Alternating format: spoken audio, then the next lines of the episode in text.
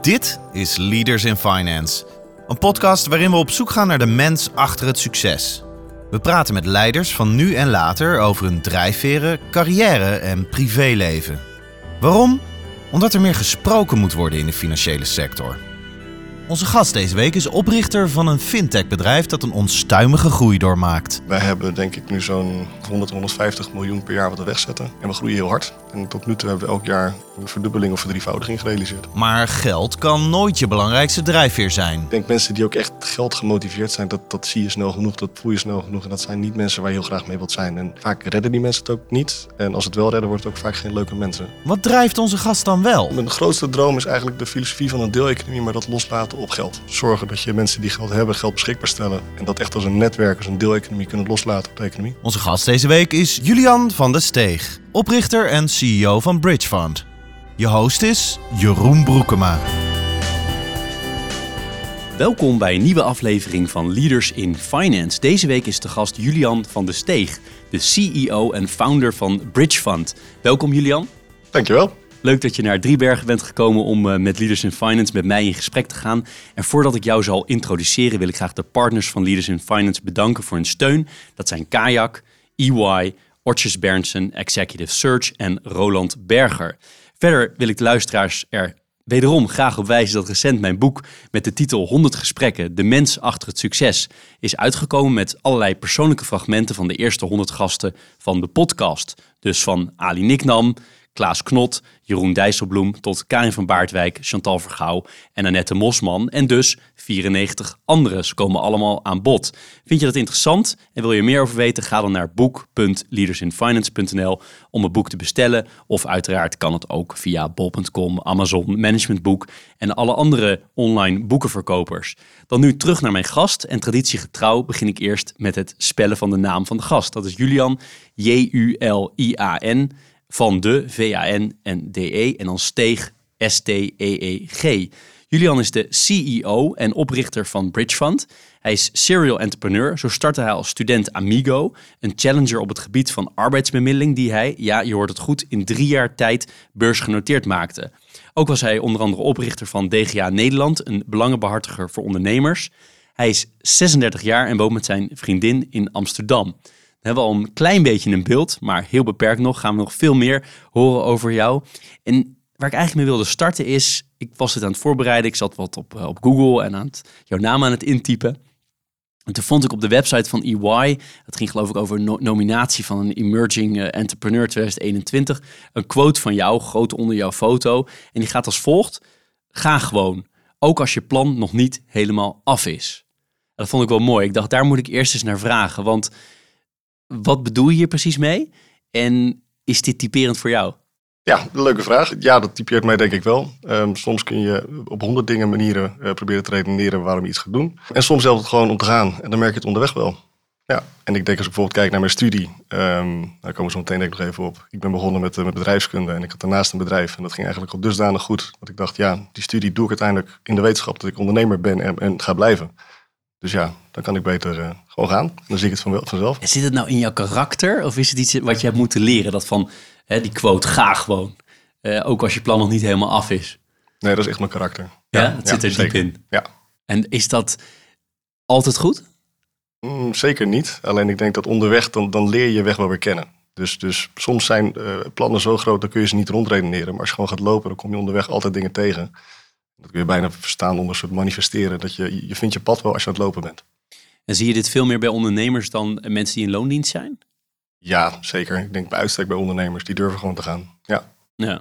En dan zien we wel, je moet ook wel een soort van rust voor hebben in je hoofd om dat te kunnen doen. Je moet niet zenuwachtig worden. Ja, dat zal denk ik deels rust zijn. Uh, maar deels ook gewoon de, de, het vermogen om, om te denken, joh, als we nou eenmaal gewoon gaan, dan met, met z'n allen en dan, dan zien we het onderweg wel. Ja, en, en nogmaals, een plan of een, een, bedrijf starten, dat begint vanuit een klein idee. Dat is een soort, soort nou ja, hoe zeg je dat, een zaadje die, die begint te planten. En door eenmaal te gaan lopen, dan gaan mensen volgen. En, en doordat je gaat volgen, ga je goede mensen aantrekken. En, en dan ontstaat het meestal. Dus het is heel moeilijk te vangen wat ondernemerschap nou echt is. Maar voor mij is het de creatie van niets naar iets.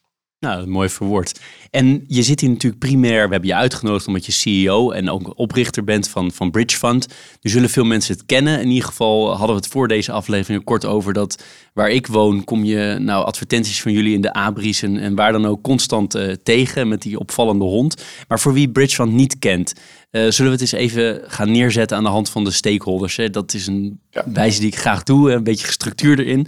Uh, en te, te, beginnen met de, jouw collega's, jouw medewerkers. Hoeveel zijn er en wat, wat doen ze allemaal? Op dit moment in Nederland hebben we zo'n 65 medewerkers. Allemaal relatief jonge mensen en een aantal wat ouderen. Dat zijn vaak ook de mensen waar we ervaring uit het verleden mee kunnen, kunnen meekrijgen. Ik denk gemiddelde leeftijd zal zo tussen de, nou wat zal het zijn, 26, 36 zijn. En verder um, nou, een aantal uh, wijze aandeelhouders. En wat voor, wat voor rollen hebben deze mensen? Waar zijn de meeste mensen mee bezig? Ik denk dat ongeveer de helft van het bedrijf bestaat uit IT en innovatie. En voor de rest hebben we toch nog steeds een stukje uh, risk voor de beoordeling van analyses en customer succes om zo'n klant te begeleiden door een aanvraag. Ja, en Even over wat het product, hè? want het is geen stakeholder, maar het is natuurlijk wel even belangrijk. Jullie financieren eh, MKB.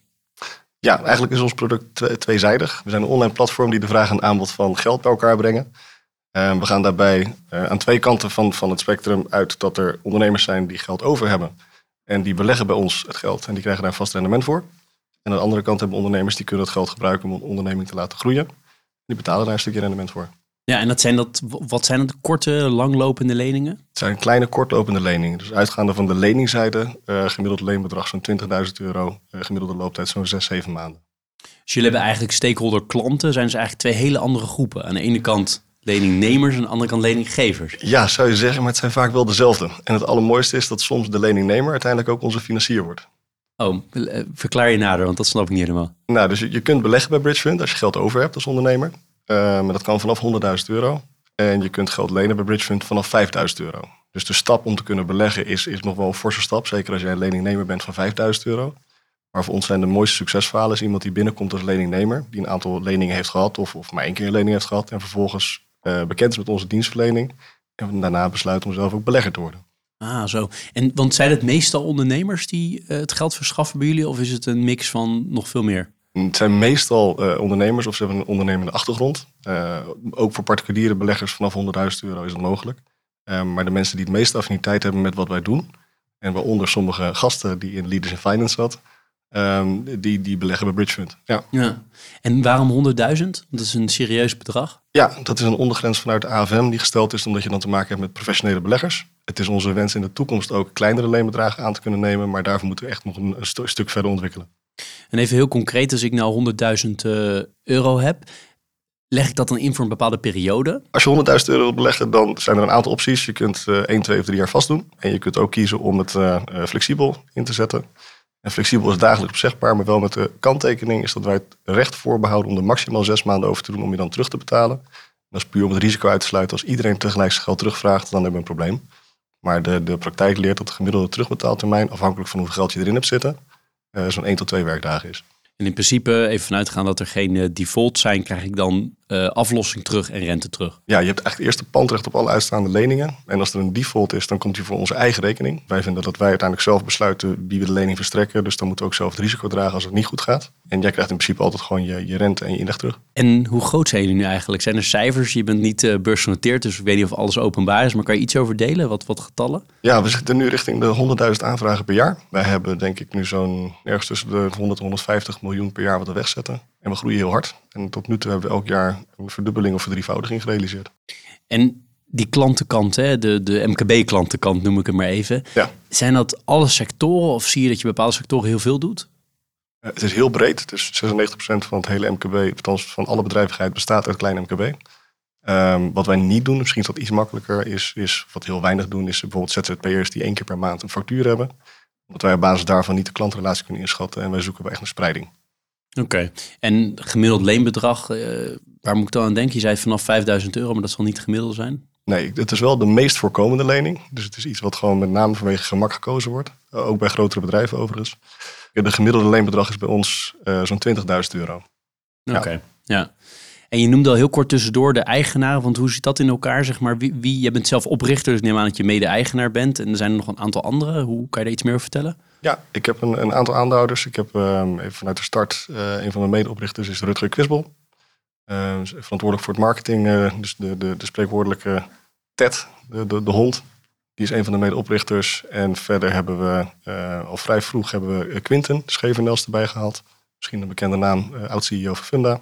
Vervolgens hebben we René Vrijters gevraagd. Die is begonnen als, als coach klankbord. Die is volgens mij ook een keertje hier in de, in de podcast geweest. Klopt. Die heb ik gevraagd om ons te coachen. En dat, dat vond hij ook leuk om te doen. Dus Malig oprichter Knap en Alex. Ja, ja, dus iemand met een behoorlijk track Op die manier zijn we ook bij hem terechtgekomen. Want wij waren op zoek naar uh, mensen in de sector die um, indrukwekkende dingen hadden gedaan. Ook een beetje een challenger mindset hadden. Dat, dat hebben wij zelf ook.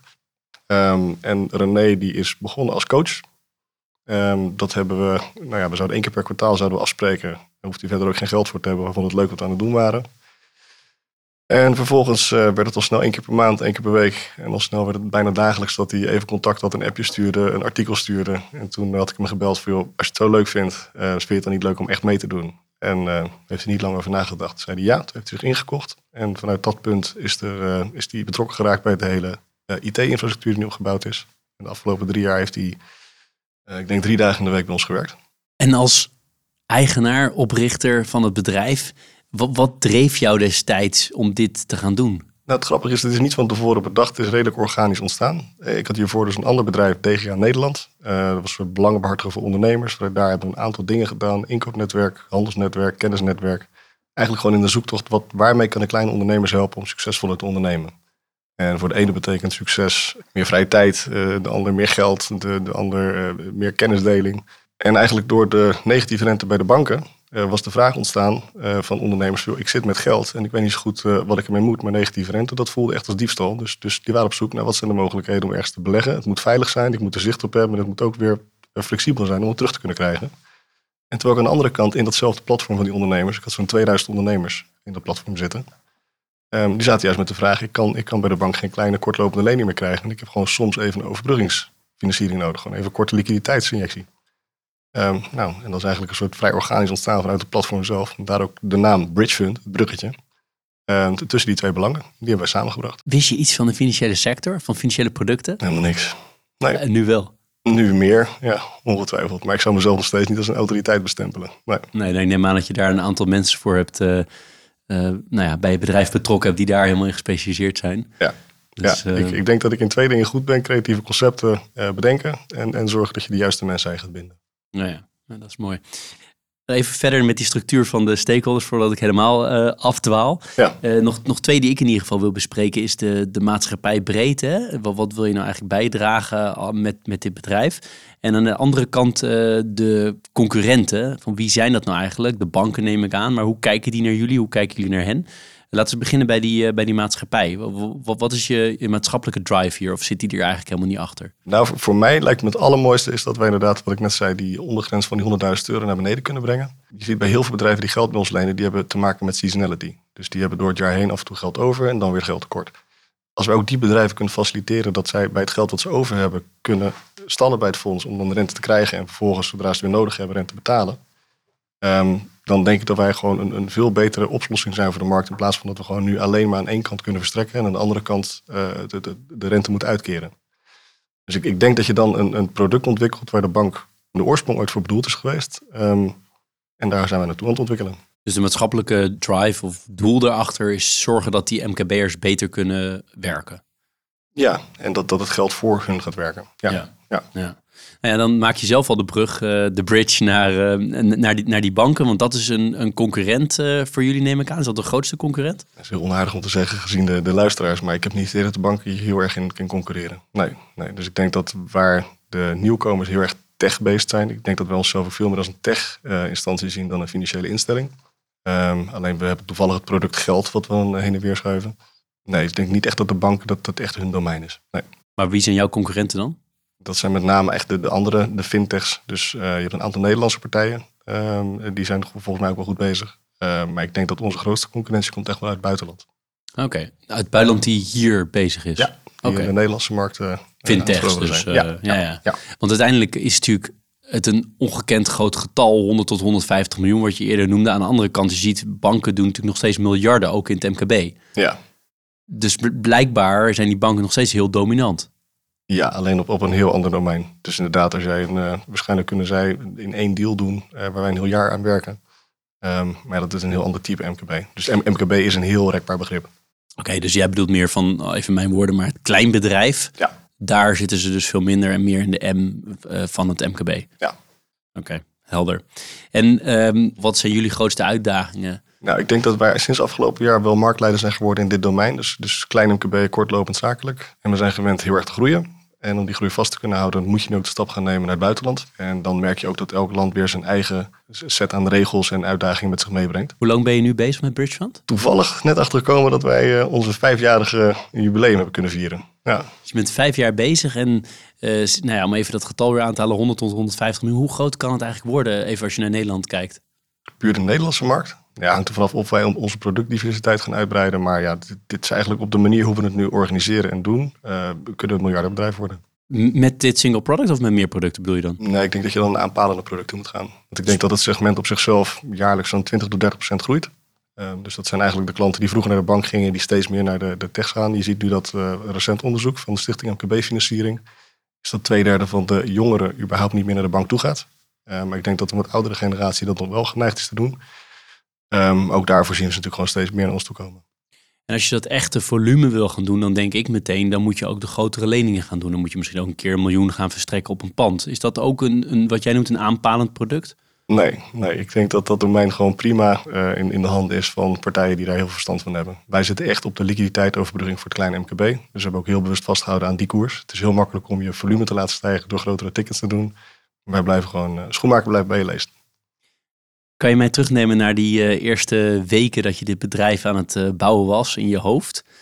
Wat, wat, hoe, ging dat en hoe, waren, hoe was die eerste periode? Gekke eigenlijk. Dus, dus toen wij tegen de product aanliepen en, en de mogelijkheid in de markt, wat ik eigenlijk best wel verwonderlijk vond dat je, dat je dit zo kunt doen, weet ik nog dat, dat uh, ik mijn, mijn dus nu mijn compagnon Rutger, die zat toen bij mij op kantoor. Die was verantwoordelijk bij mijn vorige bedrijf voor de, de website en ontwikkeling.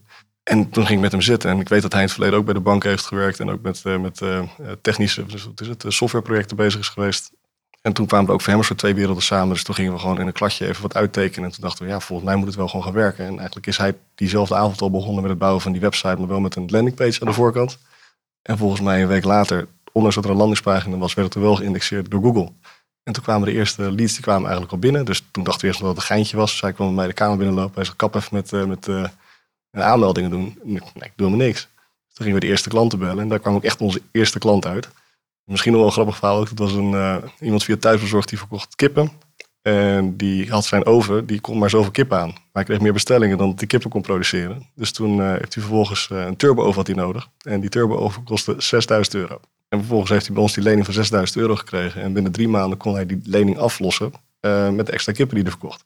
En vanaf toen had hij dus een turbo-oven. Nou, dat was voor ons een allerleuke, leukste eerste anekdote. Die privé gefinancierd of had je al een investeerder? Die hebben we nog, uh, nog vanuit onze aandeelhouders gedaan. Ja. Een mooie eerste inzet van de aandeelhouderskapitaal. Hij klinkt wel heel erg als uh, de quote waar we het eerder over hadden. Ga gewoon ook als je plan nog niet helemaal af is. Dat is wel precies dit. Dit is Leaders in Finance met Jeroen Broekema. Als we even een uh, heel wat slagen terugmaken naar, uh, naar Julian uh, als kind, hoe, hoe ben je opgegroeid? Ik kom uit een gezin, vader, moeder, vader ondernemer, moeder kunstenares. Ik ben relatief veel verhuisd. Ik ben geboren in Maasluis. Vervolgens heb ik gewoond in Schiedam, Vlaardingen, um, Soest, verschillende plekken. En toen ben ik naar Utrecht gegaan, um, zelf. En kijken. Oh nee, sorry, ik heb nog tussen, tussen Soest. Heb ik in Leersum gewoond, toevallig hier in de buurt. Um, en daarna ben ik naar Utrecht verhuisd. En toen heb ik daarna nog een tijdje in San Francisco gezeten voor mijn vorige bedrijf. Iets meer dan een jaar. Toen teruggekomen, toen dacht ik, ja, als je een stad als San Francisco gewend bent, dan ga je in Nederland ook naar de stad. Dus dan uh, ben ik naar Amsterdam gegaan. Ja. Kleine versie. En je zei, mijn moeder was kunstenares, mijn vader ondernemer. Kan je het allebei iets uitweiden? Wat voor soort ondernemingen, wat voor soort kunst? Ja, nou begin dan even bij mijn moeder. Die, uh, die wat maakte beeldende kunst, schilderen. Uh, de grote projecten ook wel een opdracht van. Um, maar die vindt het vooral gewoon heel mooi om, om iets tot, tot creatieve uiting te brengen. Dus als ik met haar op skivakantie ging, dan stond ze ergens in de sneeuw en dan maakte ze weer een of ander, ander ding in de sneeuw. En dat, uh, daar stond iedereen foto's van te maken. Um, dus eigenlijk alles waar zij de hand aan kan leggen, daar, daar maakt ze iets moois van. Dus zij is ook verantwoordelijk nu voor de inrichting van het kantoor bijvoorbeeld. En nou, mocht je een keertje langskomen, dan uh, zul je zien wat ik bedoel. En vader ondernemer, dus de, de klassieke ondernemer in de zin dat hij, dat hij hard werkte, um, daar druk mee was. Uh, ook vrij succesvol was. Ik denk dat hij uh, ook een, een, typisch ondernemersverhaal heeft. Dat hij, dat hij klein begon en heel groot geworden is. Wat voor product? Um, hij was eigenlijk de voorloper op Funda. Dus voordat jij uh, online de, de, de vraag en aanbod van de huizenmarkt bij elkaar bracht, deed hij dat via magazines. En daar was hij marktleider. Ah, kijk, maar het klinkt als dat die twee werelden van je moeder en je vader ook allebei heel sterk in jou zitten. Het ondernemerschap en het creatieve. Ja, dat is wel wat ik vaker terugkrijg. Ja. Maar dat herken je dus ook wel? Dat herken ik wel, ja. En het creatieve zelf met je handen, kan je ook schilderen, kan je ook tekenen, kan je dingen maken? Nee, dat, uh, die, die, die, dat talent heb ik helaas niet meegekregen. Nee, dat is echt aan mijn moeder besteed. Um, nee, voor, voor, mij is het echt het creatieve puzzels leggen in mijn hoofd. Dat, dat vind ik het allerleukste wat er is. Dus er gaat, er gaat ook geen week voorbij dat ik niet minimaal twee, drie ideeën heb waarvan ik denk, oh, dit zou toch veel slimmer of leuker moeten kunnen. Broers en zussen? Een oudere zus. Een oudere zus. Ja. En, en je vertelde net even een hele opsomming van plaatsen waar je gewoond had. Waarom ben je zo vaak verhuisd? Ik denk deels vanwege werk en ook de, de, de ontwikkeling van, van de bedrijven van, van mijn vader. Ja. Oké, dus dat moet ook wel iets met jou gedaan hebben. Op zo verschillende moet je ook als kind steeds weer nieuwe vriendjes maken, lijkt mij. Ja, klopt. Dus ik heb, ik heb geleerd uh, enerzijds om flexibel te kunnen zijn in een nieuwe omgeving. Je snel aan te kunnen passen. Um, ik denk de keerzijde is ook dat je leert dat je makkelijk dingen moet kunnen loslaten. Ja, want je wortelt natuurlijk minder op één plek. Ja, ja. En dat heb je nu, woon je wel al lang in Amsterdam. Ja, en zelfs zo erg dat ik uh, voor het eerst een huis gekocht heb, anderhalf jaar geleden. Ja, daar heb ik net al een klein, klein stukje over toegelicht. Ja, dat was voor dit gesprek over, over jouw huis. Maar die worteling vind je uiteindelijk denk je wel belangrijk? Zie je jezelf ook daar echt blijven of zie je jezelf ook weer steeds weer naar nieuwe plekken gaan? Nee, ja, ik, ik vind uiteindelijk een home is where, where the heart is. Dat is de meest cheesy uitspraak die er bestaat. Maar dit, voor, voor mij is een locatie iets minder belangrijk. Dus uh, ja, ik heb nu heel veel met Amsterdam. Ik vind het gezellig. Ik heb het naar mijn zin. Maar als ik straks ergens anders woon, ja, dan is dat het zo.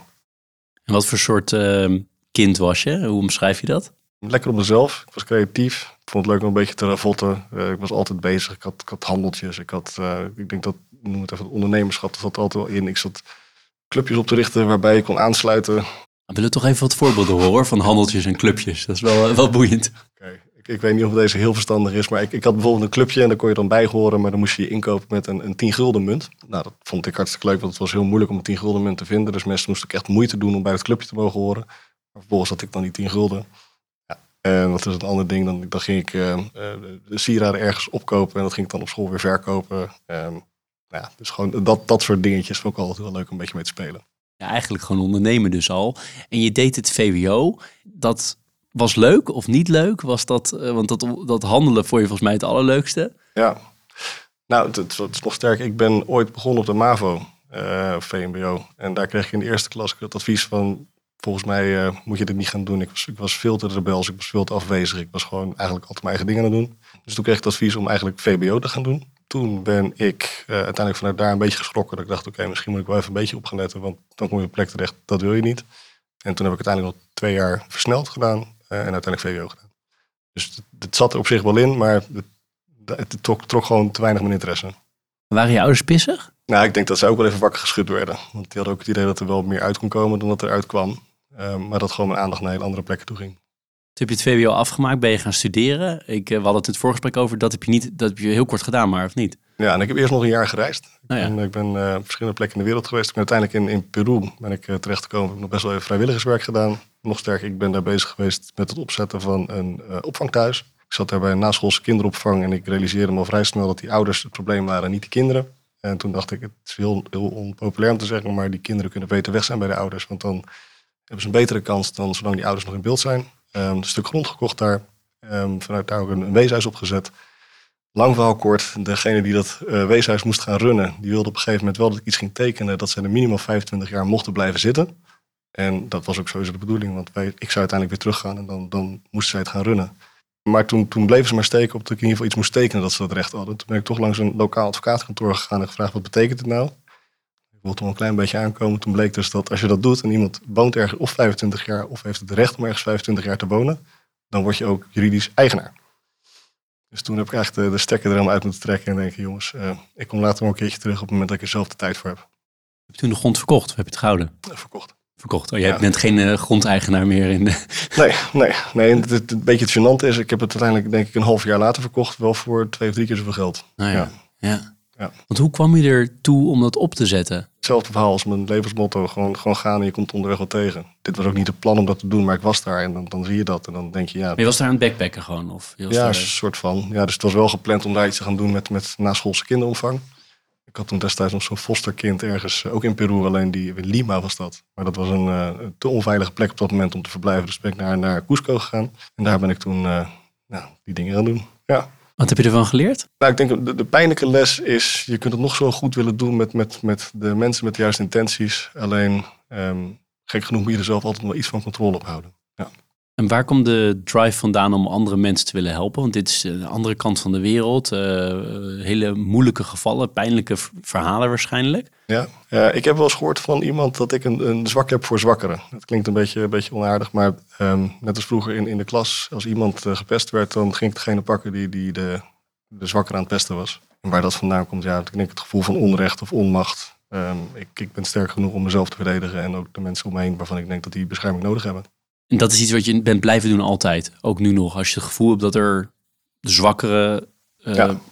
nou ja, mensen in een zwakke positie zich bevinden, dan ga jij helpen. Ja, zeker. En dat is iets wat je hebt meegekregen van huis uit? Is dat iets wat je, je vader of moeder altijd erin geramd heeft? Of is dat karakter? Of hoe plaats je dat? Ja, ik weet niet heel goed waar het vandaan komt. Ik, ik denk dat het altijd wel deels erin gezeten heeft en ook wel getriggerd is. En, en ergens ook vanuit mijn jeugd. Ik, ik heb voor mijn moeder vaak moeten opkomen, eh, moeten zorgen. Dit, dit is een beetje een rode draad in mijn leven dat altijd dit soort situaties wel voordoen. Ja. Mooie woorden, zo zwak voor zwakkeren. ja. Bij mij resoneert dat wel. En hoe ben je toen verder gegaan? Je bent teruggekomen naar Nederland. Je bent toen wel gaan studeren. En toen zei ik al, dat was kort. Klopt dat? Of was het wat langer dan ik denk?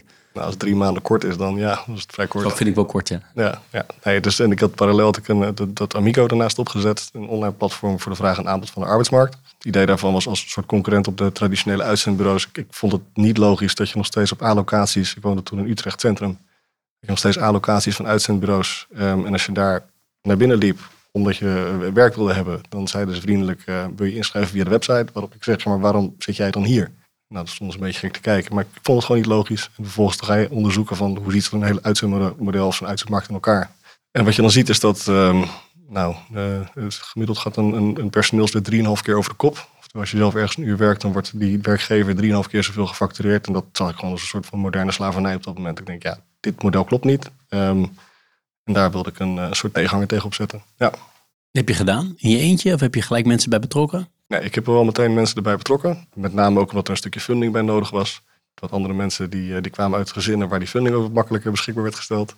En nou, we hadden twee dingen nodig om dat succes van de grond te krijgen. Enerzijds moest je in staat zijn om dus net als de, de, een uitzendbureau doet eh, via payrolling of, of in ieder geval de backend die verloning goed te kunnen doen. Aan de andere kant moest je een online platform hebben waarbij die vraag en aanbod van die arbeidsmarkt goed bij elkaar komt.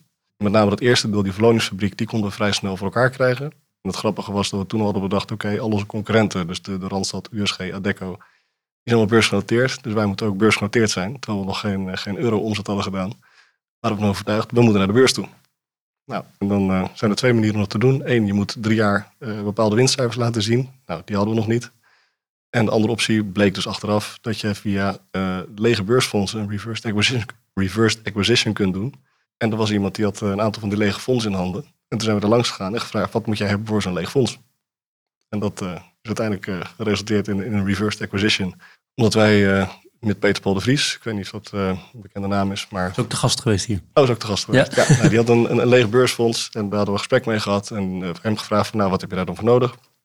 En die kwam toen met de opmerking, ja, je moet wel een bedrijf kunnen inbrengen met een minimale omzet van zoveel.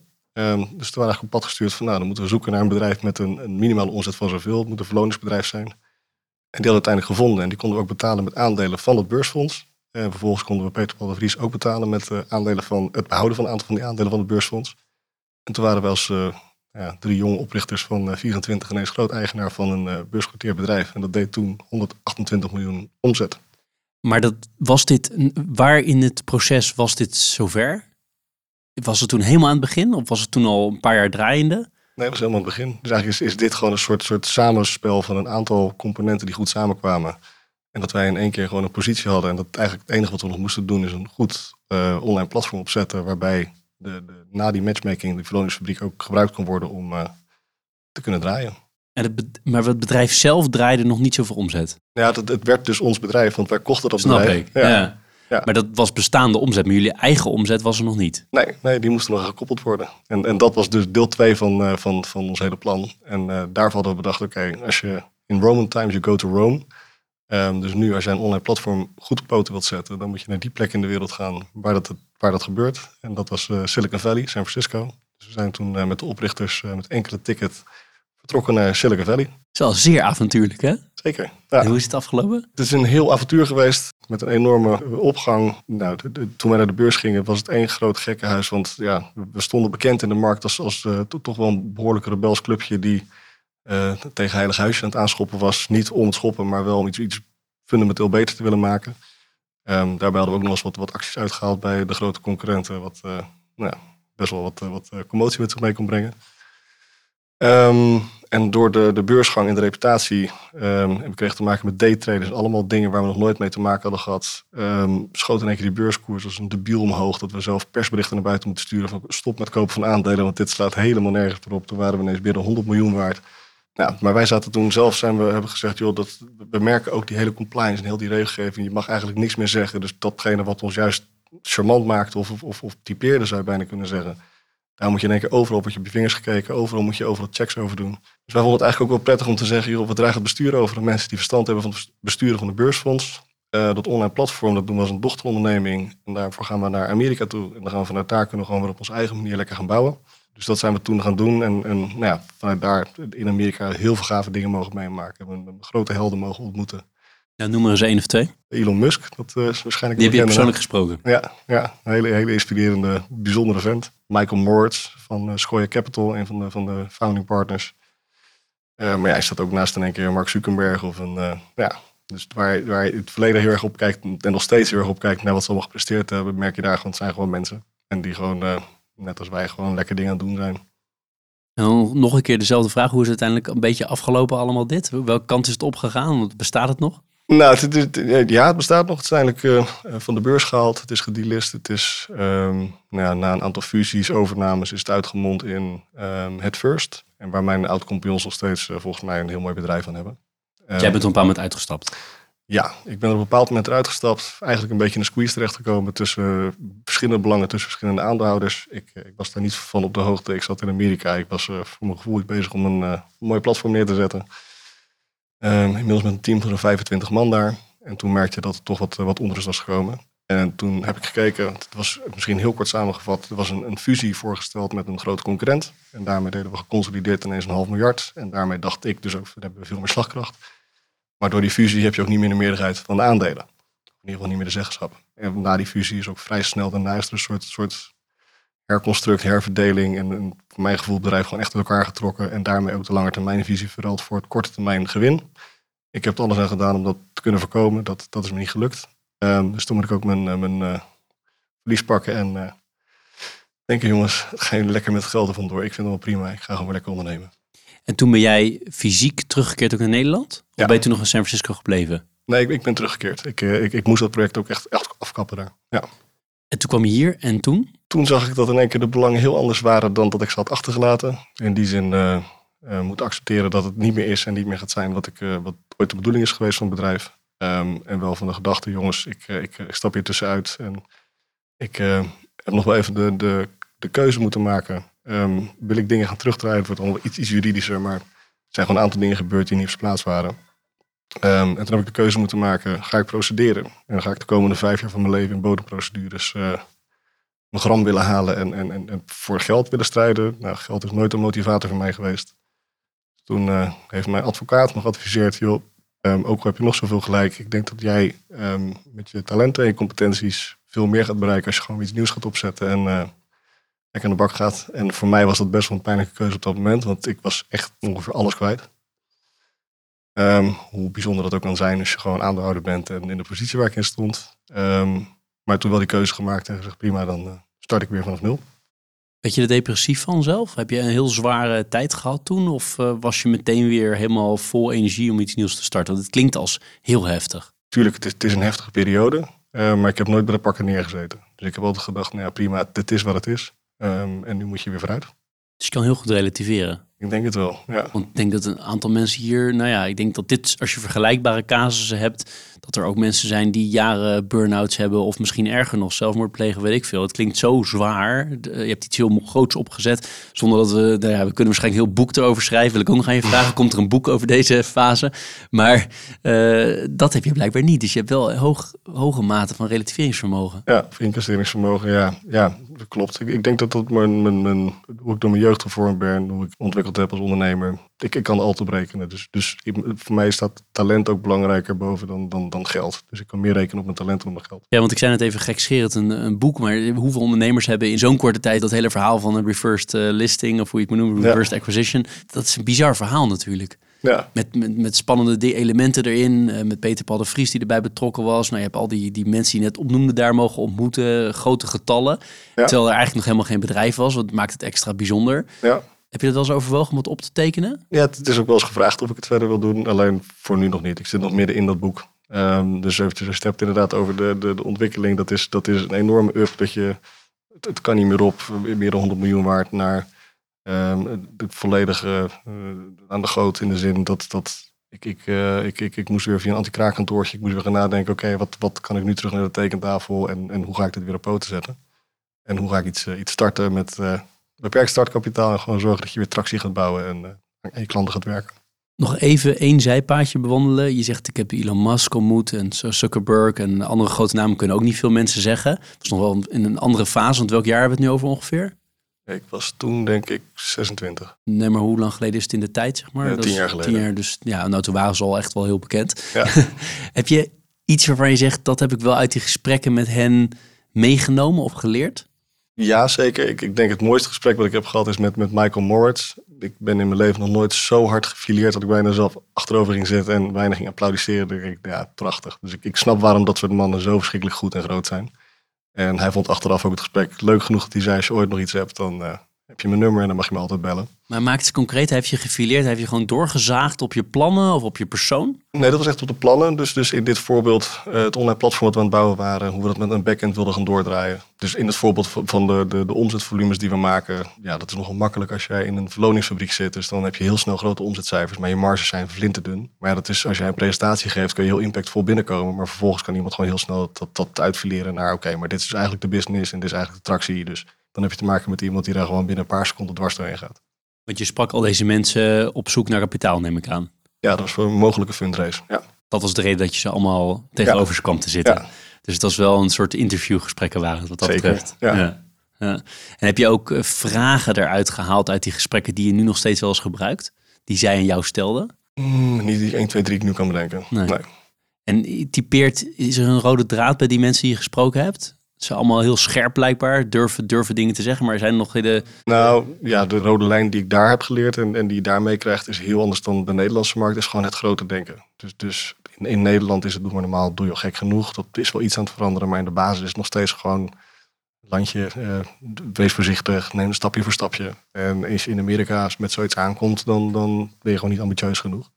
Hetzelfde met lenen. Lenen heeft een bepaald negatief karakter in Nederland. Uh, terwijl lenen eigenlijk een hele logische accelerator is voor je, voor je onderneming.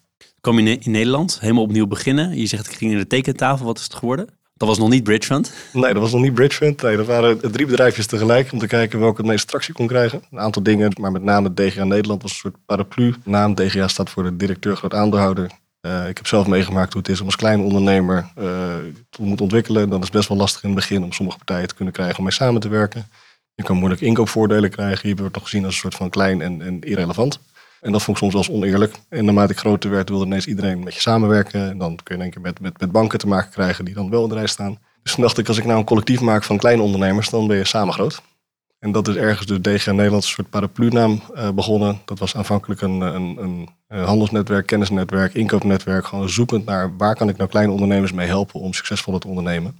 En met name dat inkoopnetwerk, dat deed denk ik nog het meeste. Omdat als je nou ja, collectief, kregen wij een soort volmacht dat wij doorlopend mochten inkopen voor alle randzaken waar je als ondernemer niet mee bezig wilt zijn.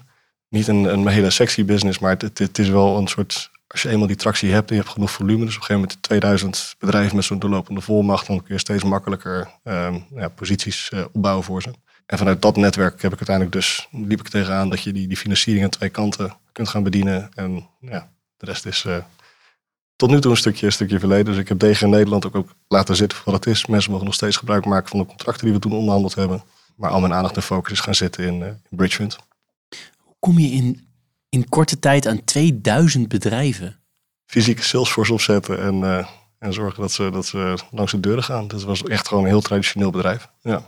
Maar dat is toch bizar veel, lijkt mij. Ik zou niet weten waar ik moet beginnen. Mm, nou, letterlijk het eerste wat ik deed was op een scootertje stappen en gewoon bij, eh, bij de, de visboer en de, de, de, lokale ondernemers gewoon langs gaan. Nou, je had stuk iets te bieden. Hè? Het, ze konden er voordeel uit krijgen door die inkoopvoordelen bijvoorbeeld. Ja, maar in het begin heb je natuurlijk nog geen inkoopkracht. Dus je moet het dan echt hebben van je eigen onderhandelingen uh, richting de leveranciers. Dus aanvankelijk deden we echt voor die specifieke klanten kijken naar de huidige leveranciers en kijken wat je daarmee kan doen. En dat was voor mij een business die ik relatief makkelijk kon starten, omdat je geen echt startkapitaal nodig hebt. En uh, vanuit daar organisch gegroeid. Je bent nu uh, vijf plus jaar actief in de financiële sector, of je dat nou wil of niet, maar het is zo. Hoe kijk je naar die financiële sector? Leuke vraag. Uh, de, de, hele interessante sector. er is volgens mij bijzonder veel te doen. Ja, en, en verder, ik, ik vind het uh, product zelf wat we bieden, vind ik heel erg leuk. Ik denk dat we aan twee kanten ondernemers heel erg blij maken. Wat ik wel merk van de sector, is dat ze soms van buitenaf uh, snel geneigd zijn een soort oordeel te hebben. Dus we, we, lopen niet binnen het standaard pad. We zijn, we zijn eigenlijk georganiseerd buiten de financiële sector om, zou je kunnen zeggen. Dus we zijn gewoon eigenlijk een online platform die die twee belangen samenbrengt. En daar hebben sommige mensen nog wel eens een mening over. Ja. Dat merk je, dat vertellen ze jou persoonlijk of dat merk je, hoe merk je dat? Ja, sommigen vertellen persoonlijk en, en sommigen die, die zijn heel druk op socials aan het roepen wat ze, wat ze wel niet van ons vinden. En nou ja, dat, uh, dat is prima. Ja, doe je er wat mee? Kan je er wat mee? Nee. Laat je het van je afgeleiden? Laat ik van me afgeleiden. Ja. ja. ja. Wat, wat is nou je, je droom? Hè? Zo, zo, zo'n Ali Niknam die met Bunk begint en daar natuurlijk heel veel geld in heeft gestopt. En het groter en groter maakt, meer en meer producten. Is dat jou, ook jouw droom? Om gewoon uiteindelijk een... Uh, een heel suite aan producten te hebben voor financiële producten voor MKB'ers? Of wat is jouw droom met dit bedrijf? Nou, mijn, mijn, grootste droom is eigenlijk de, de filosofie van een deeleconomie, maar dat loslaten op geld. Dus je hebt Airbnb, Uber, misschien wel leuke voorbeelden. Dat, dat zijn de grootste taxibedrijven en grootste hotelketens ter wereld geworden. Uh, ze hebben allebei één, ding gemeen. Um, ze hebben geen bakstenen en geen, geen auto's op hun balans staan. En in feite wil ik met Bridgefund hetzelfde gaan bereiken, maar dan echt met geld. Um, dus zorgen dat je mensen die geld hebben, geld beschikbaar stellen. En dat echt als een netwerk, als een deeleconomie kunnen loslaten op de economie. En daar hoort, horen nog meer dingen bij dan alleen leningen? Of? Nee, voor mij is, is lening echt het product. Het, uh, wanneer je geld kunt gebruiken om geld te maken, dan moet het renderen. En iemand die geld over heeft, die dat beschikbaar stelt, daar moet het ook renderen. Dus aan twee kanten van het spectrum moet iemand er beter van worden. Ken je nog veel ondernemers die, uh, die bij jou uh, leningen aanvragen? Of is het zo groot geworden dat je het niet meer, uh, niet meer overziet? Nee, ja, soms merk je wel dat iemand uit je netwerk jou dan gaat introduceren. Of, of iemand jou gaat laten bellen van nou, bel even met Julian, want die doet leningen. Maar ja, we zitten met, met duizenden aanvragen per maand. Dus hoe aardig ik dat dan ook vind, dat is, dat is heel moeilijk voor mij om daar individueel nog iets van te vinden. Je luistert naar Leaders in Finance met Jeroen Broekema. Bij Leaders in Finance uh, zo op 80% uh, van het gesprek ook altijd een pleaser en een teaser. Aan de pleasende kant is altijd hetzelfde, dat weet je. Ik, ik was zeer verheugd om te horen dat je ook een aantal afleveringen geluisterd hebt van Leaders in Finance. Maar eerst aan de teasende kant. Uiteindelijk, en dan heb ik het niet alleen over Bridge Fund, over veel meer partijen, over Big Tech, over allerlei andere fintech partijen. Maar uiteindelijk blijven banken dominant de komende, laten we zeggen, 20 jaar. Als het gaat om ja, het bedienen van MKB en particulieren in de, in de financiële sector met financiële producten. Ben je het daarmee eens? Zeker, ja. Ja, en ik denk dan met name de, de wijze hoe ze kapitaal kunnen aantrekken. Um, ja, daar, daar, zou ik of een partij als Bridgefund nooit tegenop kunnen. Maar even om de, de teaser wat uit te breiden, want anders is het weinig teasend. Kijk naar een Argen, is ook een bank geworden. Uiteindelijk is wel als fintech uh, begonnen. Of hoe je het nu, misschien noemen ze zichzelf nog steeds een fintech, dat weet ik niet. Maar het heeft een banklicentie, uh, trekken natuurlijk heel veel kapitaal. De big tech, hè, natuurlijk, ik reken af met mijn Apple-account. Ja. Toch denk jij dat de banken dominant blijven? Ja, ook kijk je alleen naar het productassortiment wat zij hebben, hypotheekproducten, uh, lange looptijden. Uh, daar zijn ze gewoon gezekerd in, in de marge en de inkomsten. Um, en dat is voor alternatieve partijen heel moeilijk om tussen te komen. Um, alleen al om, om hoe geld gecreëerd wordt en hoe dat stand komt. Dus daar, daar denk ik dat een bank altijd relevant en, en, en centraal zal blijven. Um, wat je wel ziet is dat volgens mij het onderzoek gebleken, en dan kijk je met name naar de, de jongeren. blijkt dat als zij een keuze kunnen maken, dat zij liever hun geld gaan stallen bij een techbedrijf dan bij een bank.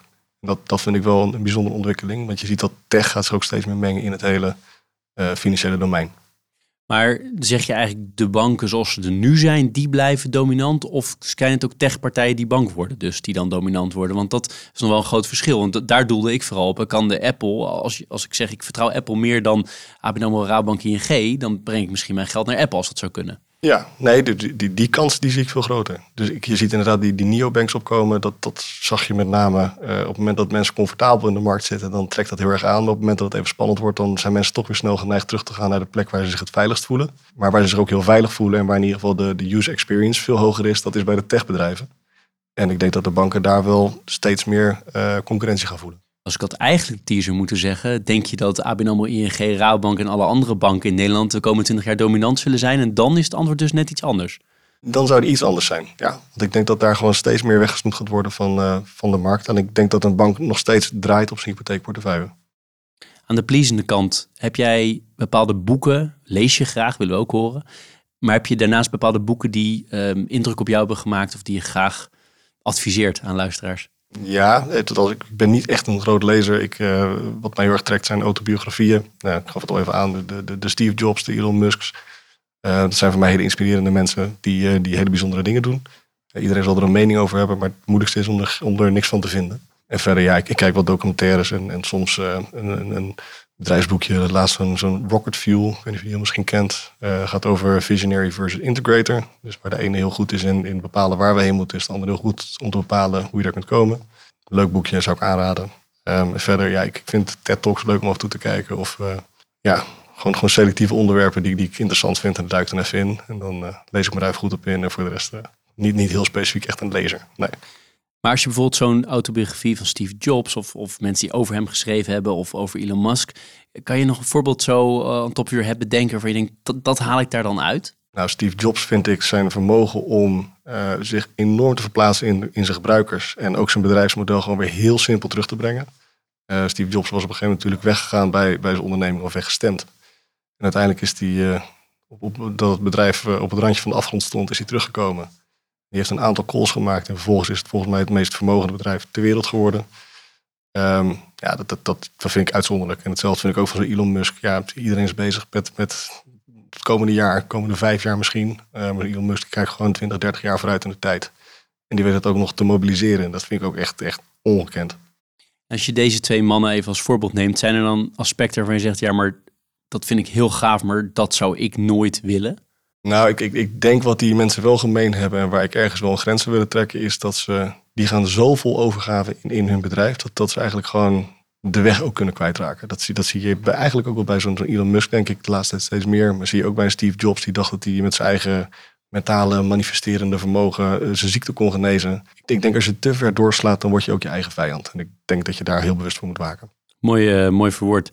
Je zei eerder, geld is nooit mijn, uh, mijn drijfveer. En daar wil ik nog even op terugkomen. Want is geld voor veel mensen wel een drijfveer als ze ondernemer worden, maar misschien ook in de financiële sector, even die twee voorbeelden te pakken. Zie je dat veel om je heen? Minder dan dat je zou denken. Ik denk dat mensen die geen ondernemer zijn, dat eerder zullen denken dat ondernemers het erg om geld draait. Ik geloof dat minder, of mensen moeten het heel erg kunnen uitleggen. Ik denk mensen die ook echt geld gemotiveerd zijn, dat, dat zie je snel genoeg, dat, dat, dat voel je snel genoeg. En dat zijn niet mensen waar je heel graag mee wilt zijn. En vaak redden die mensen het ook niet. En als het wel redden, wordt het ook vaak geen leuke mensen.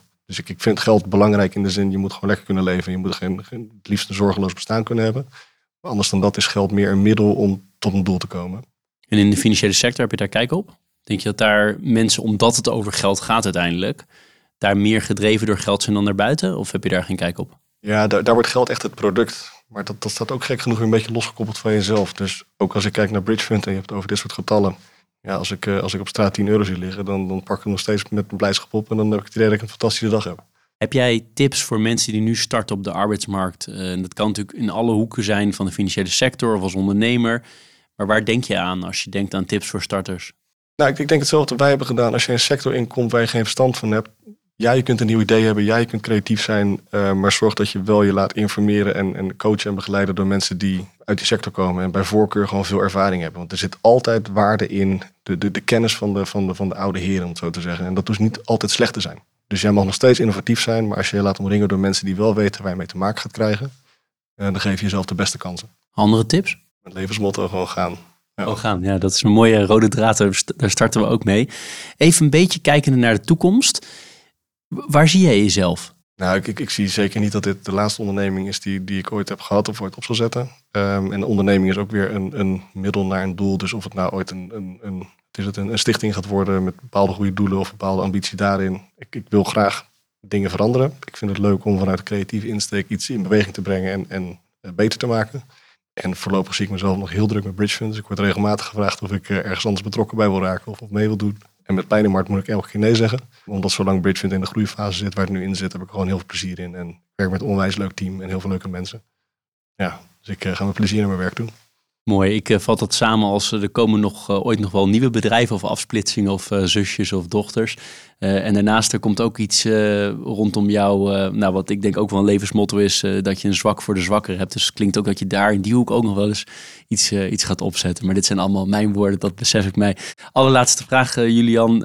heb jij nog iets waarvan je zegt, Jeroen, we hebben heel veel besproken, privé, zakelijk, alles ertussenin. Maar dat is toch wel even, dat wil ik heel graag nog benoemen in deze podcast. Nou, dat ik eigenlijk gek genoeg ook denk dat deze podcast heel veel goed kan doen. Omdat dat je een gezicht achter de tent kunt creëren. Ik moet zeggen, ik vind het zelf ook leuk om sommige afleveringen te luisteren. Dat je ook beter snapt wat nou de motivatie is van sommige mensen. En als je daar een beter beeld van hebt, dan kun je er ook wat mee. Nou, dat is heel aardig dat je dat zegt. Dank je wel daarvoor. En ik wil jou vooral heel erg bedanken voor alle tijd die je hebt genomen voor Leaders in Finance. Uh, ik heb zo meteen, ik wijs er nu naar, kunnen luisteraars niet zien, maar een cadeautje voor je om je daar ook mee te, daarvoor te bedanken. Uh, uh, heel fijn dat je zo open wilde zijn over alle onderwerpen die we besproken hebben. Dus in één woord samengevat, heel erg bedankt. Graag gedaan, dank voor je tijd. Dit was Leaders in Finance. We hopen dat je deze aflevering met veel plezier hebt beluisterd. We stellen je feedback erg op prijs. Wat houdt je bezig en over wie wil je meer horen? Laat het weten in een Apple of Google review. Dat kan ook via de sociale mediakanalen of direct via een e-mail. We kunnen het enorm waarderen als je dat doet. Tot slot danken we onze partners voor hun steun. Dat zijn Kayak, EY, Otjes Berndsen Executive Search en Roland Berger. Bedankt voor het luisteren.